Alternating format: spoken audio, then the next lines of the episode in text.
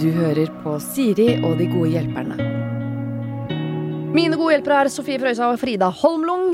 Sier det veldig fort. Håper at folk fikk det med seg. Sofie og Frida, god dag. God dag. Vi har rydda opp i deres problemer. Frida, du er lei av å få kjeft av voksne mennesker fordi du har hund. Ja. det virker veldig rart. Men det har funnet en bra løsning på det, da. Snakket vi mye om i podkast på onsdag. Eh, og Sofie, du eh, er altså usikker på hvordan du skal avvise en som eh, gjerne vil drikke kaffe og øl med deg, videre, som ikke du har så lyst til. Mm. Da gikk jeg vel for en slags utfade. Ja. Og vi kan jo si løsningen på ditt problem også, Freda Hva er når du får kjeft fra at hunden din tisser på feil sted, så skal du også tisse. Ja. Ja. Eh, Det er helt, altså, nå bare gleder jeg meg. Jeg blir kommer du faktisk ikke til å få kjeft lenger, for nå går du og har lyst på kjeft. I Da får du ikke. wait. Ja, Mm. det var det som skjedde da Ok, greit, en annen historie. Det er det som egentlig er løsningen på problemet. Og det vet Sofie og jeg, at vi har løst det på en annen måte enn du tror. Vi Du kommer med. ikke til å få kjeft Dere lurte systemet Vi gjorde Ja. Men bare få med deg folk også. Det blir kjempegøy. på tissingen. Tissering. En ring, ja. Ja, at jeg sier dette til flere hundeeiere. Ja. men det er vel bare å si det nå her og nå, da. Alle der ute som er redd, nei, lei av å få kjeft pga. hunden. Ja. Sett dere ned og tiss. Så blir det en bevegelse. Trykker opp noen T-skjorter det står 'Je suis urinade' eller noe sånt, så kan gå rundt og så folk vet hvem vi er. Det er ikke dumt. Mm. Je suis piss. Vi skal eh, løse andres eh, problemer. Eh, her er det en som sier at vi kan kalle henne eh, hva vi vil, så kan du tenke på det litt mens jeg leser problemet. Dette er hva som har skjedd. En superkjendis har noe i byen. Forholdet hans er superkjent, men det er tydeligvis noe som gjør at han ikke bryr seg om det, fordi det er klining på byen. Og han ba hjem 19-åringer på hotellrommet. For å si det klart så syns jeg det er helt kvalmt. Men spørsmål 1. Sier man ifra til denne partneren, den andre gifte personen, eh, om hva du har sett, eh, da kan du jo potensielt ødelegge en familie, og selv om paret er kjendiser, så vet man jo aldri bakgrunnen. To. Samtidig ville man ikke visst det hvis mannen din oppførte seg sånn rundt på turné. Hva hadde dere gjort? Kall meg hva dere vil. Du skriver veldig stikkordsmessig, det liker jeg. Ja, jeg måtte Eh, henge med i svingene her. hun eh, er eh, en jente som bor i en eller annen by. Det kom det en superkjendis til byen på turné. altså type innenfor sikkert noe scenekunst. da, Standup, uh, visesang osv. Visesang. vet ikke.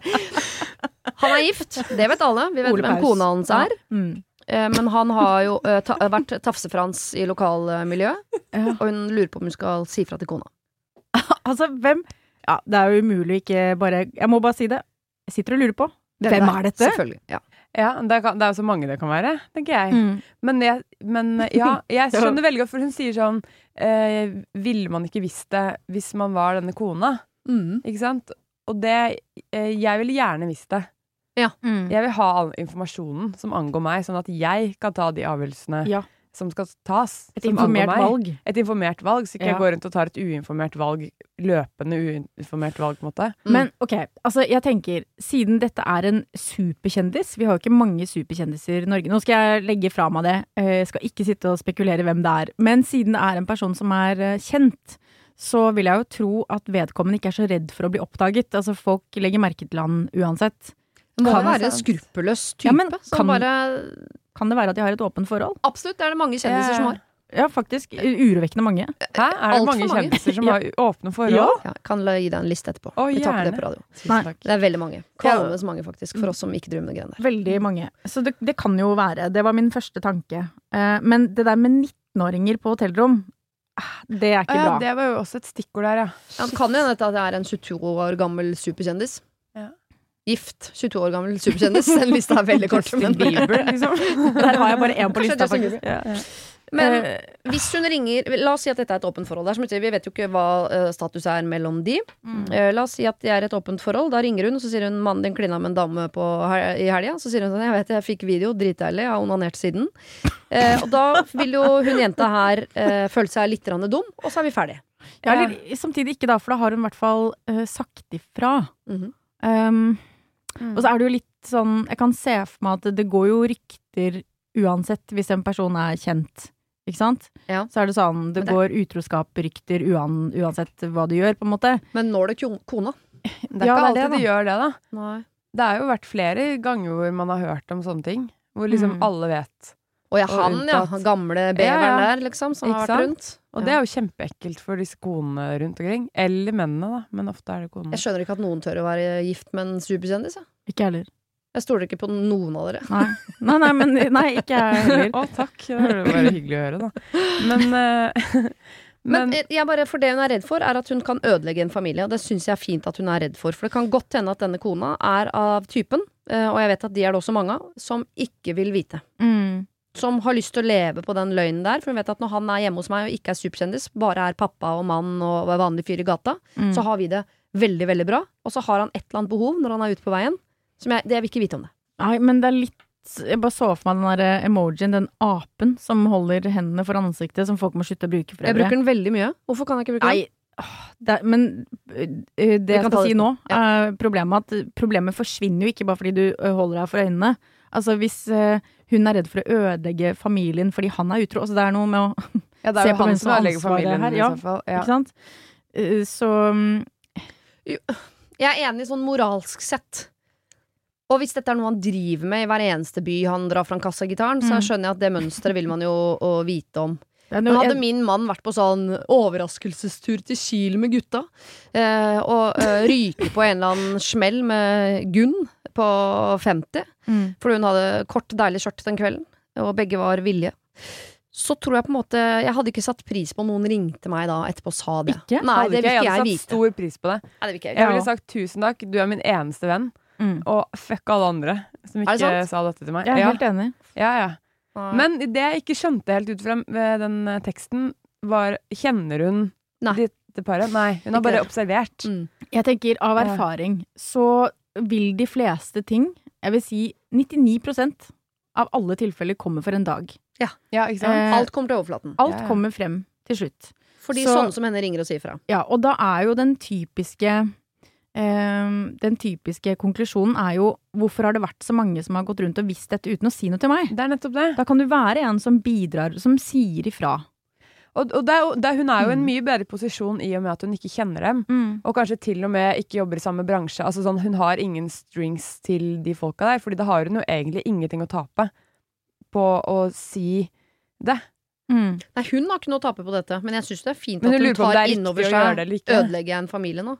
Og så Ja. kan jo dere da si moralsk sett nei, det er det han som har gjort. Mm. Og hvis dette er noe han notorisk driver med, så er jeg helt enig i at det, det fortjener familien å vite, sånn at man kan ta det valget basert på fakta. Ja, jeg ville i hvert fall Mm. visst om det hvis min partner eh, En ting er hvis han hadde klina med noen på byen, men at han tok med seg 19-åringer på et hotellrom, det eh, hadde jeg ikke satt pris på å få vite, eh, selvfølgelig, men jeg hadde vært glad for at noen hadde sagt ifra. Mm. Ja.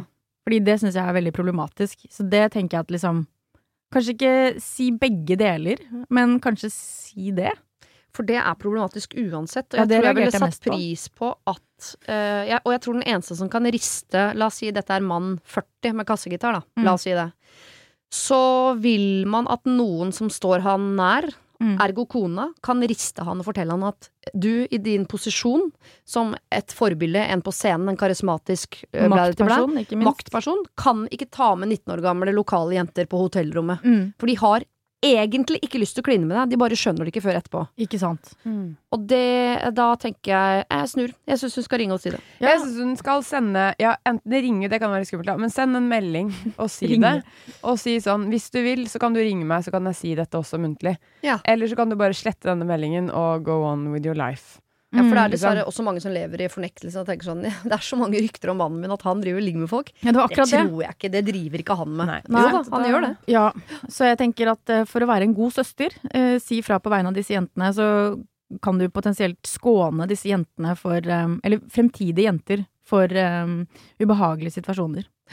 Hvis ikke dette slipper et eh, monster ut av buret, da. så han ikke er sammen med kona si lenger, sånn, så bare Ja, men da må man jo anmelde han, da, hvis Ja. han bedriver seksuell trakassering. Ja, altså, Absolutt. kona kan jo Ja. ikke være som han bare for å passe på han, liksom. Nei, nei.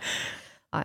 Ok. Vi syns si kanskje at, ja, vi syns at du skal si fra om dette. Hun kan også opprette en, en, Men da må du være eh, sikker. Må ikke være sånn En i parallellklassen min sa at kusina til en annen i parallellklassen hadde eh, klina med Nei. Jeg husker jo da alle jentene i klassen min plutselig hadde klina med Slash fordi eh, Guns N' Roses hadde vært i byen. Tenker sånn Saklig. Det har jo ikke skjedd. Det skjønner jo til og med jeg. Men ting kommer for en dag, så si fra. Og du kan også opprette en um, anonym bruker. Altså, Jeg vet det. det ville jeg gjort. Ja, Ja. det ville jeg gjort. Jeg ville nok gjort det, jeg også. Vi glemte å gi henne et navn, da. Det er litt seint nå. Å ja. Mm. Men hun skal jo finne på et navn nå til den anonyme brukeren. Det Hun skal kan hun. ikke avsløre det på noen som helst måte. Nei, sant. Finn på noe sjæl! Finn på noe sjæl. Ja. Til Facebook-kontoen. Ok, vi går videre til et annet spørsmål her. Uh, hopper over første setningen der. Går rett på sak. Har en voksen sønn som har blitt svært overvektig. Det bekymrer meg. Han har tre unger, samboer og bra jobb. Han har alltid vært veldig glad i mat og på plussiden av vekta, men etter at han flytta hjemmefra, ble det bare verre. Jeg er usikker på hvordan jeg skal forholde meg til det. Skal jeg si til han at jeg er bekymret for vekten hans? Hva hjelper det egentlig? Han vet jo godt selv at det ikke er bra for han, men jeg føler meg som verdens verste mor hvis jeg ikke sier noe heller. Som om jeg ikke bryr meg, men det gjør jeg jo. Kall meg Randi. Mhm. Oi, det er vanskelig, for det er jo Husk at han er voksen, for dette er et barn, så da tror jeg kanskje jeg har tenkt annerledes. Ja, men det er, det er jo Mødre er jo i en dårlig posisjon til å gi livsråd, på, ironisk nok. De er jo det. For man Mm. hører jo ikke alltid på hva de sier. Mm. Det kan jo fort være liksom ma virke masete. Eh, man har jo en tendens til å bli surere på mamma enn andre. Mm. Så Altså, jeg tror jeg, var, jeg har vært sånn delvis lei meg fra jeg var eh, tolv fordi jeg syntes jeg var tjukk, og mammas råd var alltid at jeg måtte spise mindre, oftere og drikke vann. Så jeg tenkte sånn, hold kjeft, jeg, jeg har ikke lyst til å spise oftere, mindre og drikke vann, jeg vil bare være tynn. ja, ikke sant? Så det hørte jeg ikke på. Nei, man hører ikke på hva de sier. Nei. Men samtidig så er hun også den beste til å si det, da, fordi han kommer til å vite at hun elsker han uansett. Ja. Eh, men det er bare måten hun Jeg syns hun skal si det, men vi må kanskje finne en veldig bra måte å si det. Ja, jeg hang meg litt opp i at hun skriver at han vet jo godt at ikke det er bra for han. Eh, hun legger veldig eh, vekt, no pun intended, på eh, at han veier for mye. ja. Eh, og jeg tenker at hun hopper over et veldig viktig ledd her, og det er jo eh, det faktum at veldig mange bruker jo mat som en eh, måte å regulere vonde følelser på. Det er sant. Eh, Og det er jo det som, som jeg sitter og tenker på nå, er jo hvorvidt han bruker mat som eh, en reguleringsstrategi. Om han trøstespiser eller har et, eh, et problem, da, en spiseforstyrrelse. ja. For det snakker vi jo veldig lite om. Altså, de fleste som er spiseforstyrret, er jo normalvektige, eller man snakker jo ikke engang om overspisingslidelse. Så jeg tenker at hun har en veldig sånn overfladisk tilnærming til det. Hvorfor tenker hun at det ikke er bra? At han Ja. spiser så mye og Ja. har blitt overvektig. Um, så det er vel den inngangen jeg tenker at hun bør, um, bør ta, og snakke med han om hvordan han har det. Det Du tenker at vi må lurt, forbi den der gamle sånn Å ja, han Ja. er tjukk, han eier ikke selvkontroll. Ferdig. Nettopp. For det, den, Ja. den der må vi skrote en Ja. gang for alle. For det stemmer ikke. Mm. Men kan det hende at han bare er en øh, Fordi jeg ville spørre om det også. Virker han happy med livet sitt? Hvis han er en øh, Han har samboer, bra jobb, tre unger, øh, livsnyter, glad i mat, koser seg. Mm. Kanskje ikke vekt er et problem for han? Nei, ikke Så kan du godt skylde på det helsegreiene, men da tenker jeg altså hvor Du skal være ganske stor før det er en sånn ordentlig helseutfordring. Alle må ikke jogge. Nei, og han vet jo selv. Ja. Han er jo fullt klar over det, så det er jo ikke sånn at hun tenker å, nå må jeg si ifra, for dette er ikke han klar over selv. Det, det gjør han. Mm.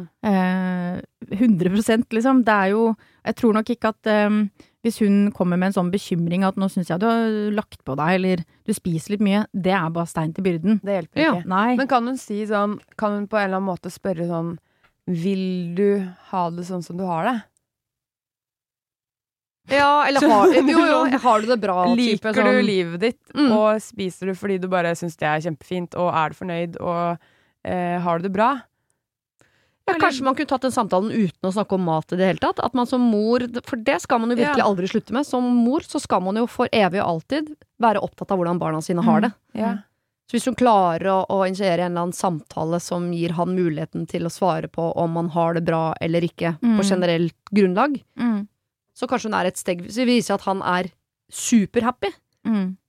så trenger ikke hun å gå inn og peke på vekta hans. Hva er det for noe? Det er jo dritirriterende. Nei, jeg tenker jo at uh, det å spørre hvordan har du det, er liksom åpent, og nå blir jeg veldig eh, analyserende her, da. Ja, men jeg bare fikk en litt sånn derre følelse av at hun også eh, har projisert en del på han. Altså, det høres jo ut som at dette med vekt eh, det er veldig mange som snakker om det på en overfladisk måte hjemme, som Mm. gjør at du får et problematisk forhold til mat.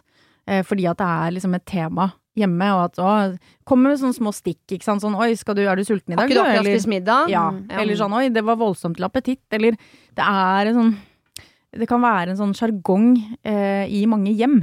Og det kan godt være at det er derfor han eh, spiser, ikke klarer å, å regulere det, da. Fordi hun også er liksom kanskje litt overfladisk. Men det, jeg syns det er litt viktig at hun snakker med han uansett, fordi, fordi ellers så kommer jo sånne stikk Mm. som det. Ikke Mm. sant? Sånn der, «Å, skal du ta en porsjon til? Ja. Ikke sant? Det er bedre at de snakker ordentlig om det, sånn at han får si hvordan han har det til henne. Hun kan forstå det. Han kan også forstå at hun reagerer på det, og forklare henne hva som er greia. Eller de kan finne ut av det, da. Ja. Sånn at hvis hun kommer med sånne stikk Eller da slipper hun å komme med sånne stikk, og hvis hun kommer med det, så vet han hvorfor. Da kan han si sånn 'Mamma, dette snakket vi om. Det var det, det er, Mm. jeg har det kjempebra. Mm. Ikke pass på deg selv, liksom. Eller Ja. sånn. Ja. ikke tenk på dette, ikke bekymre deg for det. Ja, for Men hun føler, jeg føler meg som verdens verste mor hvis jeg ikke sier noe. Og det skjønner jeg, for det er noe med at jeg, jeg kan ikke bare stå på sidelinjen hvis jeg faktisk har en oppriktig bekymring for barnet mitt. Som handler om en bekymring, og ikke bare sånn har ikke minstemann blitt litt uh, kvapsete? Altså, jeg håper ikke det kommer derfra, men at du er oppriktig bekymret.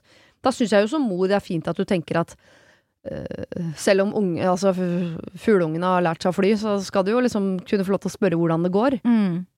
Men han har jo et annet nettverk rundt seg nå som egentlig skal liksom ta over den jobben litt.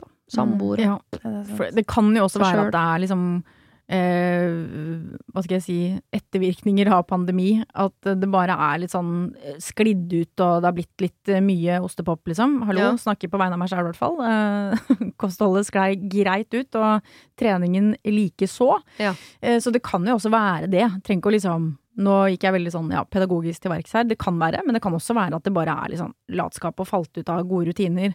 Eh, Så jeg tror en fin inngang er bare å spørre liksom eh, ja, hvordan har du det om dagen, og kanskje også invitere til aktivitet, da. Mm. At det er veien eh, inn. At liksom de kan eh, dra på turer sammen og gjøre aktiviteter og få han litt sånn ut av sofaen, da. Hvis det er det som er problemet. Hvis hun ser at han har blitt litt lat, så Ja. er det noe med å finne på ting. Nå kan vi det igjen, da. Men altså, summen er, er vel at Randi som mor må finne ut av hvordan sønnen har det generelt. Først, ja, før hun spør om tur òg. fordi Mm. setningen 'han har tre unge, samboer og bra jobb' kan jo også egentlig bety han har tre dritslitsomme ungdommer, en pottesur samboer og en dødsslitsom jobb. Kan jo ende det, og da Ja. er det ikke liksom Hadde jeg kommet hjem fra jobb i dag og har uh, krangla med kona og fått tre unger i seng sånn i halv tolv-draget, så skal Mm. jeg faen meg på crossfit! Det er jo ikke det du Det orker man jo Ja, ikke. da blir da er det ostepop. ostepop. Ja. Vinner over crossfit Ja. every single time. Ja.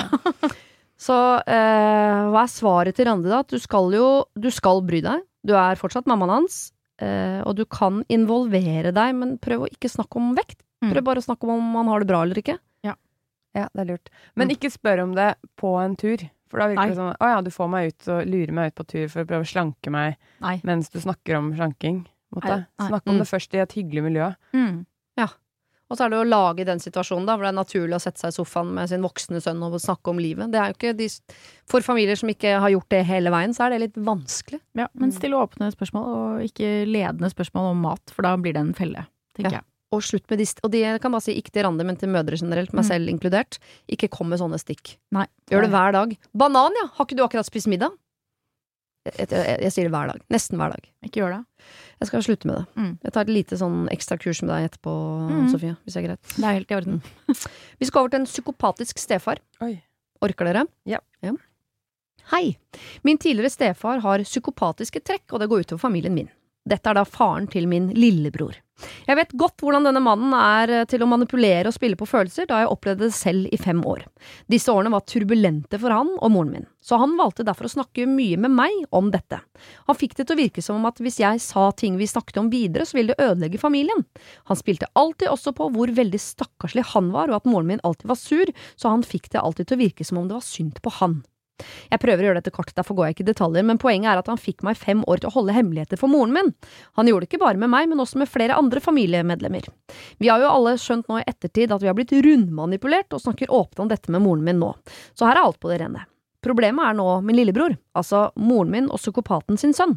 Han bor fortsatt hos han, da han kastet ut min mor da det ble slutt. Altså, sønnen bor hos sin far. Dere skjønner. Nå frykter jeg at han har begynt å manipulere lillebroren min også, da han plutselig forguder faren sin, og han nesten ikke vil omgås vår mor lenger. Han finner på unnskyldninger stadig om at det er mye skole om dagen, at han ikke har tid, og planen har hele tiden vært at han skal bo 50-50 hos moren og faren, men han utsetter det hele tiden, og her lukter det manipulasjon og hemmeligheter. Jeg har selv opplevd dette med denne mannen, og jeg vet at her er det noe som ikke stemmer, jeg blir gal. Jeg kan jo ikke si til broren min at faren hans er sånn og sånn, det kommer han jo aldri til å tro på. Jeg hadde i hvert fall blitt sint hvis noen hadde anklaget min pappa for sånne ting, så hva skal jeg gjøre da, du kan kalle meg Kaja. Hvor gamle er Kaja og, broren? Står det noe om det? Nei, men hun har flyttet hjemmefra, og det er en stund siden, så la oss nå si at hun er godt opp i 20-åra, og lillebroren er sikkert ungdom. Ja, Mm. sikkert. Ja, ikke sant. Mm. Åh, ja, dette er jo uh, gaslighting, altså per deff. Eh, hvor du blir utsatt for eh, manipulasjon, og så til slutt så tenker du at det er ditt problem, eller at det er du som er, eh, har skylden, da. Mm. Eh, jeg kjenner veldig godt til akkurat dette problemet. Eh, en god venn av meg eh, har blitt utsatt for det samme. Ja. Sånn at dette har jeg sett på nært hold. Hva gjør man da? Um, det her er veldig vanskelig, fordi at um, det, det tar jo gjerne tid, ikke sant. Nå er jo broren tenåring, og det, jeg vil tro at eh, det er ikke før han blir voksen selv at de kan prate om det, altså som to voksne, da. Mm. Um, så jeg forstår jo hennes eh, bekymring og, og den derre hjelpeløse følelsen ekstremt godt. Eh, og at det er vanskelig å liksom ta ordentlig tak i det all den tid han bor med faren, da, hjemme. Så jeg tenker at um, det viktigste hun kan gjøre, er jo å være en god søster og en god motvekt, kanskje, og liksom um, være en som som uh, Ja, være en god motvekt, da.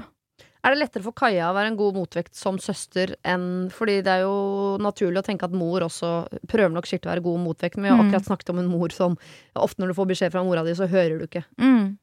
Tror vi han heller hører på søstera si enn på mora? Ja. Ja. Ja, jeg tenkte også det at det, hvis han ikke vil møte moren så mye, så kanskje hun Kaja skal prøve å henge litt med han. Ikke hjemme der, men sånn uh, gå på kafé, gå en tur, gå på konsert, snakke om noe det. Uh, og henge, liksom bare være litt motvekt, ja. Mm. Og kanskje etter hvert få et litt inntrykk av sånn Hvordan har du det hjemme? Hvordan er det liksom å bo hjemme der? Er det hyggelig, Mm. eller er det ikke så hyggelig? Men så tenker jeg at jeg vet ikke om man skal stryke en psykopat medhårs, eller om man skal gi motstand. Det vet jeg ikke. Jeg har vært forskånet for uh, psykopater uh, i mitt liv. medhårs, og så get out. Ja, for hvis hun, Jeg er helt enig, gå på konsert med broren din og sånn, men hvis han kommer hjem og sier sånn Ja, vi snakka mye om hvordan livet er og sånn, og psykopaten liksom får ferten av at å ja, så hun prøver å, å, å, å få deg ut, eller hun prøver liksom Hun har tatt opp kampen mot meg, Ja, så vil jo han eh, rette all sin psykopati mot søsteren og overbevise han om at Kaja er gæren. Ikke gå på konsert med Kaja. Ja, men da tenker jeg at uh, denne broren klarer å se uh, at det ikke stemmer. Ehm, og jeg tror nok at broren til Kaja kommer til å forstå etter hvert at eh, ehm, pappa har noen problemer. Ja. Um, fordi det taler veldig for seg selv, dette her. Og uh, jeg er jo veldig opptatt av at ikke han blir satt i en sånn lojalitetskonflikt uh, hvis han skaper splid mellom, mellom um, mor og, og han selv, da. Altså at uh, broren til Kaja føler på en lojalitetskonflikt der, og at han driver og snakker stygt om moren. Mm. Og hvis Det er jo det er skikkelig dritt at man må ta hensyn til andres hensynsløshet. Det gjør man jo altfor mye her i livet. Men det er også noe med at eh, hvis alle de andre rundt eh, broren til Kaja er liksom stabile og fine, sunne mennesker, Mm. så tenker jeg at det blir liksom en motvekt i seg selv. Og så Mm. blir det litt sånn ok, pappa har noe greier, og han burde jo åpenbart eh, vært og snakket med en psykolog. Mm. Eh, han kommer kanskje ikke til å gjøre det. Antakeligvis ikke. Nei, eh, men jeg tenker at jo flere rundt han da, som er liksom sunne mennesker, Mm. jo bedre er det for han. Eh, og at det, det kommer bare til å gjøre vondt verre hvis de går inn i det og liksom snakker om han. For Enig, for jeg eh, Kaja har jo eh, klart seg fint fordi hun har hatt moren sin, ikke sant. Eh, broren til Kaja har jo den samme moren, men Ja. Kaja har i tillegg hatt en, kanskje en pappa på andre siden som Mm. også har vært en fin fyr. Mm. Så hennes motvekt har kanskje vært tyngre, da. Eh, men derfor så må jo hun inn på banen, så jeg tror helt klart sånn eh, Ta med broren din, bare vær den motvekten. Ja. Ta med broren din på hyggelige ting. Ikke snakk om at pappa Nei. eller ikke gjør de tingene. Bare, bare vis han at det fins en hyggelig verden der ute, som Ja. han kan være med på så mye han vil. Og så får man bare håpe at han selv søker seg mer og mer dit på eget Ja. initiativ, fordi, han, fordi han, han ser at det fins. Mm, og det utgjør den store forskjellen. Ja. Eh, for hver kjip person du møter, så skal du i hvert fall møte fem mennesker som veier opp. Eh, og det, det tenker jeg at kommer til å, å gjøre han veldig godt, da. Er det Eh, et sånn regnestykke som man er liksom gjengs? At Hvis du møter én dritt, så må du møte fem bra for at det skal veie opp? Jeg fant det på nå, i hvert fall. Å ja, for Eh, Det hørtes ut som sånn matematisk at det også gjaldt sånn hvis du Ja. har fått én drittkommentar, så må Mm. du ha fem hyggelige Det før du på sant, har veid opp. Men jeg tror kanskje det er litt sånn. Ja, kanskje jeg tror kanskje det var høyere. Ja. Ja. Ja. Men, eh, men eh, nei, jeg, jeg tenker at ehm, uh, heldigvis så har broren til Kaja, også Kaja og moren og andre rundt eh, Det har vært skikkelig dritt hvis det bare var han faren. Ja. Men han har heldigvis eh, masse fine mennesker som, som veier opp, da. Mm. Og det må de fortsette å gjøre, tenker jeg. Mm. Og hvis han stefaren begynner å eh, be broren om å uh, unngå søsteren også, Mm. så må jo søsteren egentlig bare liksom fortsette å sende meldinger hvor det står sånn 'Jeg er glad i deg. Her er et hjerte. Mm. Her er en morsom uh, meme.' Ja. Mm. Eh, og bare være hyggelig. Ja, og Sånn at eh, opp, broren vet altså, Hun er der fortsatt. Selv om jeg eh, hater henne nå, eller selv om jeg får beskjed om at eh, hun er dust, så hun er der tydeligvis fortsatt. Sånn at han vet at han kan ringe henne Mm. når, Mm. hvis han en eller annen gang innser at han har tatt feil. da. Ja, og det der er jo, altså hvis han gjør det, hvis det går så langt at han begynner å nekte eh, broren samvær med Kaja eller andre, så er jo det eh, eh, enda mer psykisk vold. Altså det han blir utsatt for, og Kaja har blitt utsatt for, er jo psykisk vold. La oss bare kalle det det, fordi det er det det er.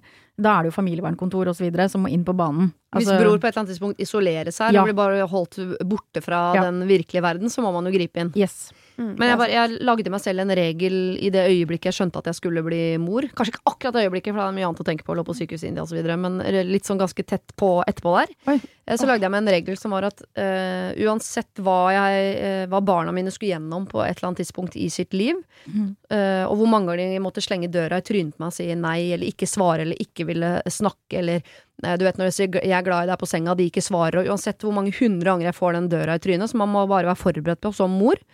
Eh, så skal jeg, jeg skal ikke være den som gir opp, for det er så typisk sånn 'Å ja, nå har jeg sagt jeg er glad i deg tre ganger, og han svarte ikke', så da gidder ikke jeg. Den, sånn kan man holde på som venn og kjæreste, selv om det er ikke bra, det. Men som mor så skal du tåle å få eh, døra i trynet av barna dine hver dag. Og du skal likevel fortsette å banke på den døra og si sånn 'Hvordan går det da, gutten min?'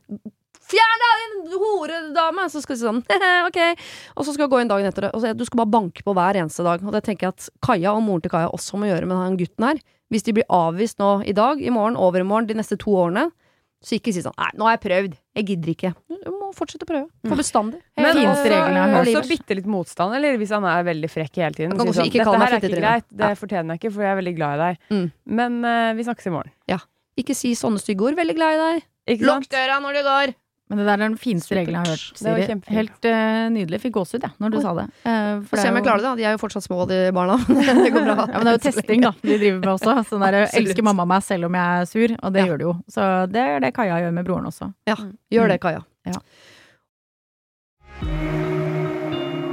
Har du et problem og trenger hjelp, ja, så sender du det til meg. Da bruker du Siri, alfakrøll, radionorge.no.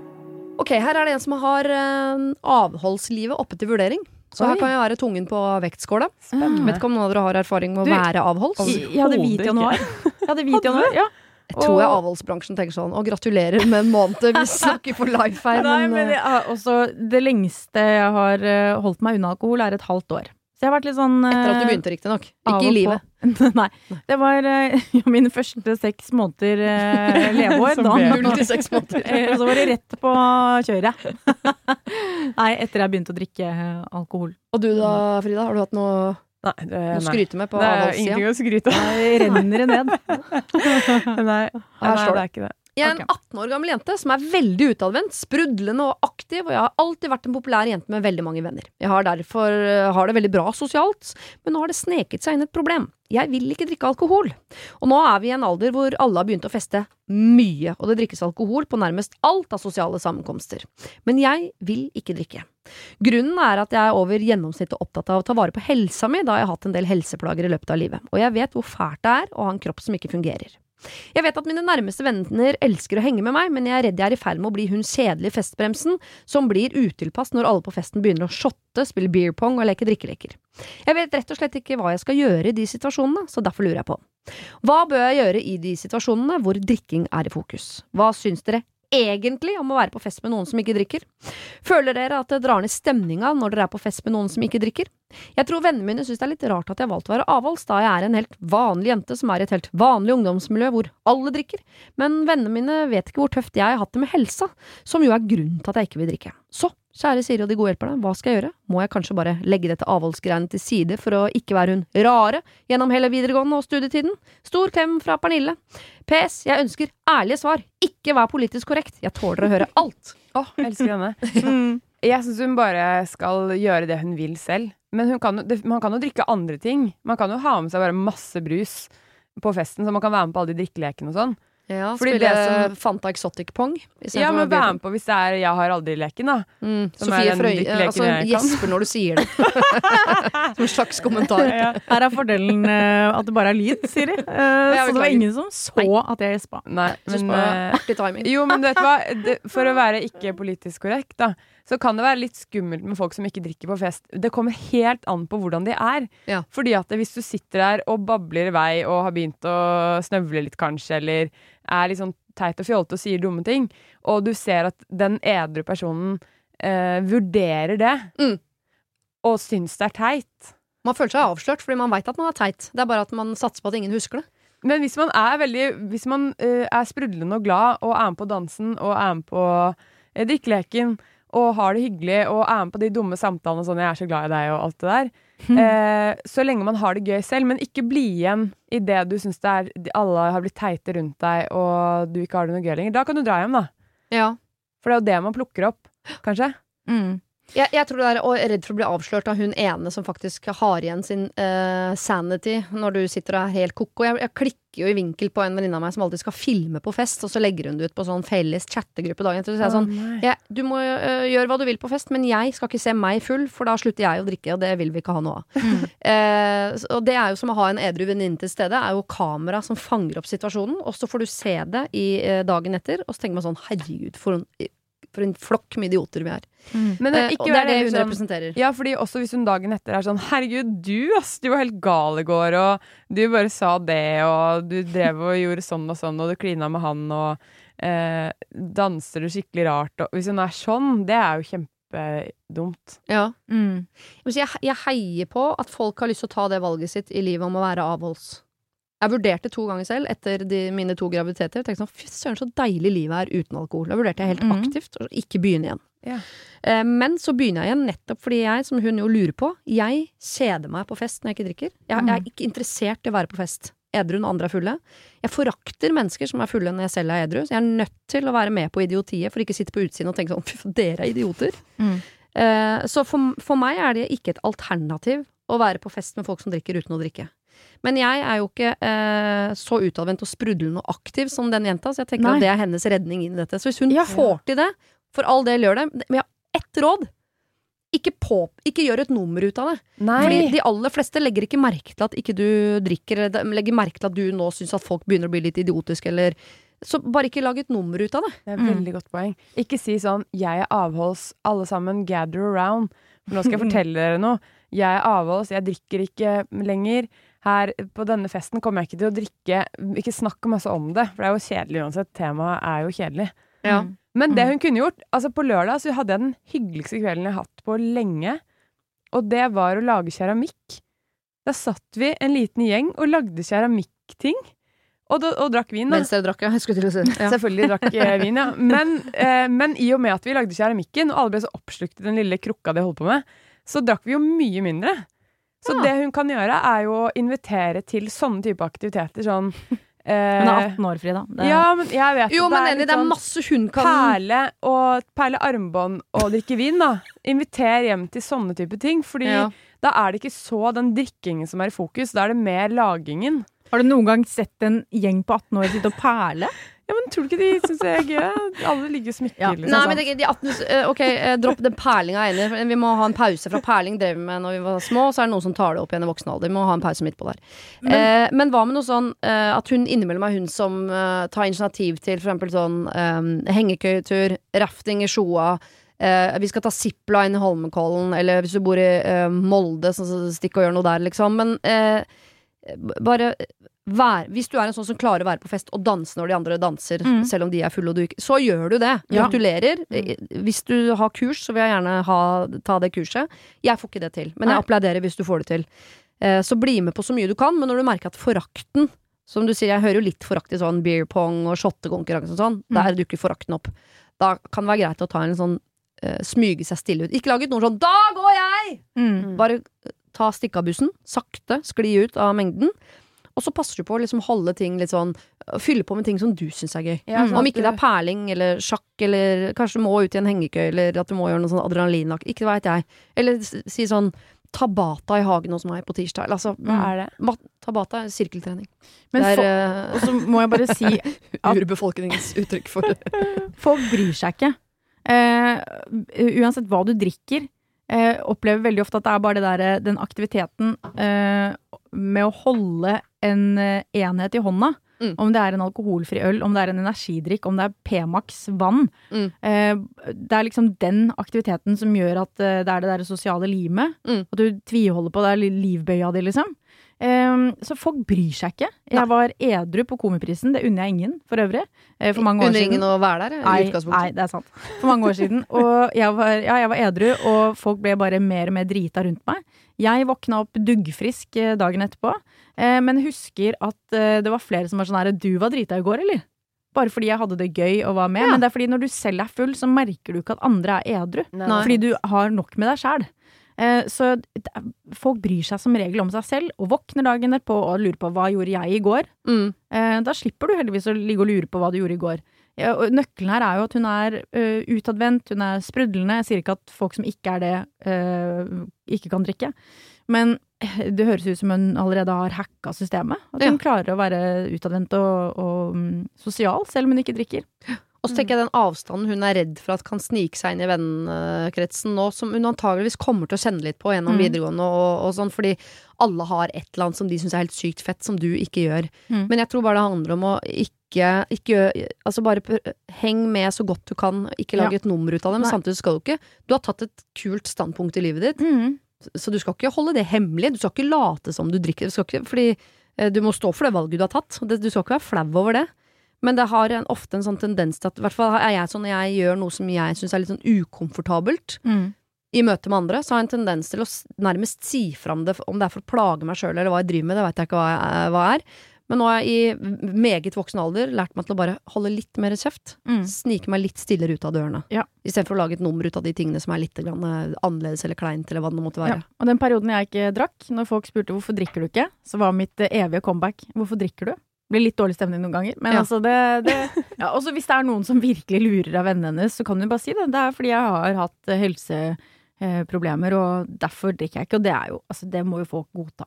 Jeg tenker, Den samtalen skal du selvfølgelig ha med vennene dine en eller annen gang. Du trenger ikke på hvert eneste vorspiel hver fredag de neste seks årene å, slenge døra opp og skrike ut 'jeg drikker ikke fordi jeg har helseproblemer'. Det er det jeg mener. Der Nei. ligger forskjellen. Nei, jeg ble sant. som viktigste hadde så lyst til å fortelle om helseproblemene. Nei. At hun Nei. ikke hadde lyst? Ja, hun hadde ikke så lyst til det, tror jeg. Nei, for hun har ikke snakket noe særlig med vennene sine om det allerede. Så jeg vet ikke hvorfor. Men du kan jo ta en sånn skikkelig prat med i hvert fall vennene dine på det. Det Det helt, så de kan backe henne litt Ja. på de festene. Ja. Ja. Mm. Hadde skjønt det. Sånn, hvis jeg drikker nå, så klarer jeg ikke å gå i morgen, for jeg får vondt i ryggen. Mm. -hmm. sånn, du skal ikke drikke igjen, Dabby. Nei, og folk bryr seg faktisk ikke. Og hvis det er en så god grunn som det Jeg trenger ikke å ha en grunn heller, men det, det opplever jeg at folk god, godtar, altså. Mm. Jeg vil bare si sånn, Jeg jeg tåler ikke, Jeg er jeg tåler ikke så godt. Det passer ikke for meg. Jeg tåler det ikke så godt. Og egentlig trenger du ikke å forklare det heller. Nei, Når folk spør, så du trenger Altså, du har ikke noe forklarings... Uh, hva heter det? Meldeplikt. Du har ikke meldeplikt, nei, Nei. på de greiene der. Du har tatt et valg, som bare står for det. Ja. Mm. Mm. Og de kommer til å slutte å spørre etter hvert. Og så treffer du nye idioter som også lurer. Du må finne sånn kort, kort svar, eller sette deg ned og tisse, Si sånn at du som har blitt, Frida eh, gjør når ting er vanskelig. Du kan også si sånn Det er fordi jeg har blitt radikalisert. Det kan også. Da blir du Da aldri invitert igjen. Ja, Da tør du ikke å spørre mer. Vi skal over til en blodig nabokrangel. Blodig. Ja, og vi skal tilbake til hund, faktisk. Så er det en deilig sirkelforklaring på det hele, som vi jo snakket om i oppvarmingsepisoden vår på onsdag. Eh, og dere er hundemennesker begge to, er dere ikke det? Jo. Ja. Ja. Jeg er både hund- og kattemenneske. Jeg har Ja, veldig jeg lyst på begge deler. velge? Ja, jeg vil ha en av hver. Eller to av hver. Kanskje tre. Hei! Jeg og min samboer, vår treåring og vår firbente, bro vår firbente bor i rekkehus i hovedstaden. Jeg er snart eh, Etter snart jeg kan ikke, Du kan ikke prate, jeg kan ikke lese. Skal vi begynne på nytt? Ja, vi starter på nytt. Okay. Jeg, min samboer, vår treåring og vår firbente bor i rekkehus i hovedstaden. Etter snart tre år med pandemi har annethvert hus bortover fått seg hund. Som er tre år med pandemi. Hun. Har hun vært, hatt et år før oss andre? Kanskje kan sikkert litt overdrive. dårlig form året før, da. La oss si at hun er en som overdriver, vil si at treåringen antageligvis bare er to, og den firbente bare har tre ben. Det kan godt hende. Hvis hvis du liksom kom til jorden nå og fikk beskjed om at det har vært pandemi i tre år, så er det sånn det, That's news Ja. for me. Ok. Jeg teller ikke. Jeg bare, det er lenge. Ja, Vi har hatt pandemi nå i ti år, tenker jeg. Okay, Ja. Unnskyld. Jeg tipper I og med at hun har en treåring, så tenker jeg at det første året også føltes som pandemi. For da var man bare inne og ikke det det dusja og drev med gulp og bæsjing og sånn. Som jo er en del av pandemien, har jeg hørt. Ok. Eh, alle har fått seg hund nedover i gata. Og det er jo hyggelig, det. Eller det er mest pes, men det er ikke det som er hovedproblemet her. En av hundene i nabolaget er svært fiendtlig. En ting er at den knurrer mot vår hund, det er sånn det er, men den er også aggressiv mot mennesker. Den glefset mot vår sønn, men heldigvis var den da i bånd, så vi slapp med skrekken. Den, det er den nemlig ikke alltid. Her har vi med en vanskelig eier å gjøre, som nekter å innrømme at bikkja er ko-ko, nemlig. Den har lenge vært gatas skrekk, og jeg tør ikke å ha vår hund løs lenger, og kjører ofte bil langt av gårde for å gå tur, for å slippe på å møte de i skogen. Nå har denne hunden drept en annen hund i nabolaget. Hæ? Oh my god! Derav blodig. Nei. Og vi håpet dette skulle være det som fikk avlivet denne hunden, men nei da. Naboen tør ikke å anmelde fordi de er redde for hva eieren kan finne på å gjøre. Han har nemlig en truende atferd og er i likhet med bikkja gataskrekk. På toppen av det hele har de en sønn på alder med vår sønn, og nå som pandemien slipper, vil det jo være naturlig at de besøker hverandre, men jeg tør ikke å la vår sønn leke der borte. Er det noe vi kan gjøre for å bli kvitt den farlige hunden, uten å få oss en fiende? Hilsen familien Klump. Hallo, det her høres ut som min eksnabo. Å ja. Altså han koko Ja, med Koko kokobikkje? med kokobikkja. Har du vært sammen med en slem mann med slem hund? Nei, nei, nei, oh, nei. nabo med. Oh, ja. Ja, Det var helt forferdelig. Jeg, jeg visste ikke hva jeg skulle gjøre, men vi, han bodde en etasje under oss og hadde en sånn gigantisk hund som heter Cana Dogo Canaris, eller sånn. Som er sånn, jeg tror den er litt ulovlig i Norge, liksom. ja. Den er en 80 kilos firkantet hund, liksom. Som var helt sykt. Og han gikk aldri med den i bånd. Og den eh, prøvde å drepe min hund så mange ganger. Og det var helt forferdelig. Er det ikke lover for dette hvis en hund dreper en annen hund? Det fins masse lover, men så har du folk som når de blir konfrontert med lover, setter de seg bare ned og tisser. Ja. men men det, det, det finnes vel lover for det at da må dessverre den hunden ryke? Jo, men Jeg da tror Hvis disse kan- naboene her hadde anmeldt denne naboen med Ja. hunden som drepte hunden deres, så hadde de måttet avlive bikkja, men de er jo Ja. redd for naboen Ja, men også. Menneskenaboen. Ja, men Kan ikke alle naboene bare eh, gå sammen og Ja, anmelde det. kollektivt? Fordi det går jo ikke. Det er, det er snakk om liv og død. Mm. Ja, kanskje man skal det, ja. Altså, Det var jeg for ble er så lei meg. Nei, ja. De, de som med den drepte hunden, er jo redd for at hvis de anmelder, så er det åpenbart hvem som anmeldte. Det er kanskje ikke anonymt å anmelde uansett. Men uh, Nei, men hvis du får Men da må man si ifra som nabolag. Da. Hei, vi er en gjeng som har anmeldt Ja. deres. Ja. Fordi dette er farlig. Ja. Jeg skjønner jo, for hvis det er en aggressiv hund, eh, så skjønner jeg at hun vil jo ikke sende bort barna heller, det sier seg selv. det viktigste med dette her er jo at den mennesken, mennesket her ikke kan ha mennesken. Hunden. Mennesken. Eh, at eh, den personen ikke får ha hund Får lov å ha hund. Mm. Kan det være en konsekvens? Jeg håper det. Eller sånn, Det burde man jo prøve å få til. Da, fordi at, Ja. eh, Ellers så avlives den hunden, og så får den personen bare en ny hund. Ja. Ikke sant? Fordi Det er jo derfor en hund er aggressiv. Fordi at eieren er Antageligvis, da. Mm. Fordi eieren ikke er så bra hundeeier. Ja, det er oppdragelsen. Ja, og jeg tenker, dette er jo En ting er at det er farlig mot andre hunder i nabolaget, men det er farlig mot kids. Og, det hele Ja. tatt. og de, de som eier denne hunden, kommer jo aldri til å ta den avgjørelsen. For man er jo glad i de barna og de dyra man har, uansett hva de driver med. Man Mm. tenker jo alltid om sin egen at det er verdens snilleste på bånd. At det, den andre hunden ba om det. Ja. Når han hadde på seg det båndet, så ba han om det, at han ble drept. Det er forferdelig. Jeg, jeg begynte nesten å grine da jeg hørte om det. Forferdelig. Ja. Altså, hvil i fred, den hunden. Ja, Må jeg bare si? Men eh, nei, der må Men de gå gå sammen, sammen. hele ja. nabolaget. Ja. det var en best det var en god løsning. Men kunne man også gått til det, Vi snakket jo om det tidligere, at noen ganger så øh, Nei, jeg snakket faktisk ikke om det øh, på radio, men vi snakket om det i stad. Eh, at det hadde vært så deilig Jeg går jo nemlig og, og funderer på en setning jeg har lyst til å bruke mot en nabo. Mm. Jeg bare venter på en anledning. ja. Som er eh, Jeg vet ikke om du husker fra du var barn, så var det alltid en eller annen i gata som var hun sure dama eller hun, han sure mannen. Mm. Og så skal naboen da svare ja, det husker jeg, og så skal jeg si det er deg nå. At alle, eh, nå er du han sure, og det er sånn at alle barna i gata her nå eh, kommer til å vokse opp med eh, å snakke om han sure i gata, og det er jo da deg. Yes. Og da tenker jeg at det, det er såpass vondt for folk. Eh, Det er jo noe med å kunne si til disse naboene her, som er han fiendtlige mannen, fiendtlige bikkja Hele nabolaget er redd for hunden deres. De syns det er sånn at eh, de som har den hunden som ble drept, tør ikke å anmelde. Altså, eh, vi tør ikke ha ungene våre ute i gata. Folk setter seg i bilen og kjører langt av gårde for å lufte bikkjene sine. Mm. På grunn av dere. Og Jeg tror jeg da hadde følt meg sånn Å, shit, hele nabolaget snakker om hvor gærne vi er. Mm. Jeg tror ikke Kanskje jeg de flytter? Ikke, hadde vært helt nydelig. ja, men jeg ser for meg min eksnabo, og jeg tror ikke han hadde hørt på det øret i det hele tatt. Nei. Da hadde han tenkt alle andre er gærne. Det- Ja, det er det. Nå er alle mot meg. Fordi vi Eh, prøvde å si sånn, vi prøvde å si fra til styret sånn, kan dere si fra, for vi turte heller ikke å si fra til han, Nei. eh, at de, han kan ha den i bånd. For da kan man i hvert fall ha en mulighet til å komme seg unna, liksom. mm. Men det bare, han bare skyttet ikke med å gå med den løs. Han er Putin, liksom. Hele verden var- sier fra. Han bare nei, nei, jeg kjører Ja, på, jeg. ja. Ja, han var som en solariumsbrun Putin.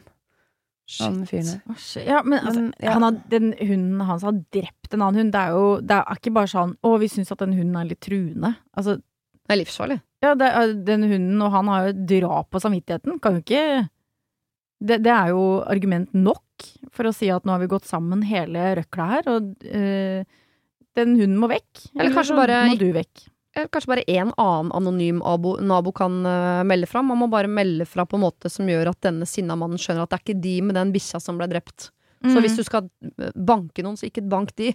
Bank Ja. en eller annen random forbipasserende. Sånn Trebukkene Bruse. Mm. Ikke ta meg. Så er broren min, han er mye større enn meg. Ja, eller så må de få på Ikke sant, det var ikke så dumt. Bare leie inn en eller annen eh, Espen Lie. Ja, altså bare eh, Norges sterkeste mann. Meek. Ja, Mm. ja eh, Emil Mek. Emil Mek. Få han inn der, Mik. Og så få han til å, å ta Men den. jeg tenkte mer lapp i postkassa. Sånn Ja. hei, jeg er en nabo. Samme hvem jeg er. Å, du må Jeg, klippe ut sånn fra jeg har anmeldt deg. Ja. Mm. Fordi eh, vi tør ikke å ha barna og våre ute i gata lenger etter at du, de, dere drepte bikkja til noen andre naboer, som Mm. ikke er meg. Mm. Ikke, ikke, ikke meg. Da må man klippe ut sånne bokstaver fra avisen. Ja, som et trusselbrev. Ja. Ja. Kanskje ikke det er så dumt. Nei. Men, eh, men tror dere at det kan gå an å få denne hunden til å bli snill igjen? Eller Nei. er den eieren så dust at det går ikke? Ikke Nei. hos eieren, nei. Da må, da må Maren, hun hundetreneren ditt Herregud, ja, hun har Ja, fått så det må til. den bytte eier. Jeg syns så synd på hunder som, som har fått så dårlig oppdragelse at de har blitt eh, kjipe. Det er jo veldig synd på den hunden. Jeg vet det. Mm. Og proble største problemet er jo han. Altså det, ja. Brannfakkel, det skjønte jo alle rundt bordet. Takk for at du åpna den åpne døren. Men det er greit å si fra noen gang. Man Mennesker glemmer. er det verste dyret. Ja. Mm. Men kan man få avlivet han på en eller annen måte? Ja, det hadde vært aller best, mest ultimate løsninger. Jeg takker for god hjelp i dag. Vi har foreslått drap to ganger. Det har vært meg begge gangene. Så skal ikke jeg legge på deres skuldre i det hele tatt. Vi har foreslått at eh, når du støter på problemer, så sett deg ned og tiss og det hele tatt. Så jeg tenker at vi er, vi er i mål som god hjelp. er vi ikke det? det, det vil jeg si. Mm. Tusen takk begge to, Sofie og Frida. Eh, håper vi ses snart. Håper jeg. Sjæl, ass. Det var det. Husk å sende ditt problem til siri at radionorge.no om du vil ha hjelp. Denne podkasten er produsert av Klynge for Bauer.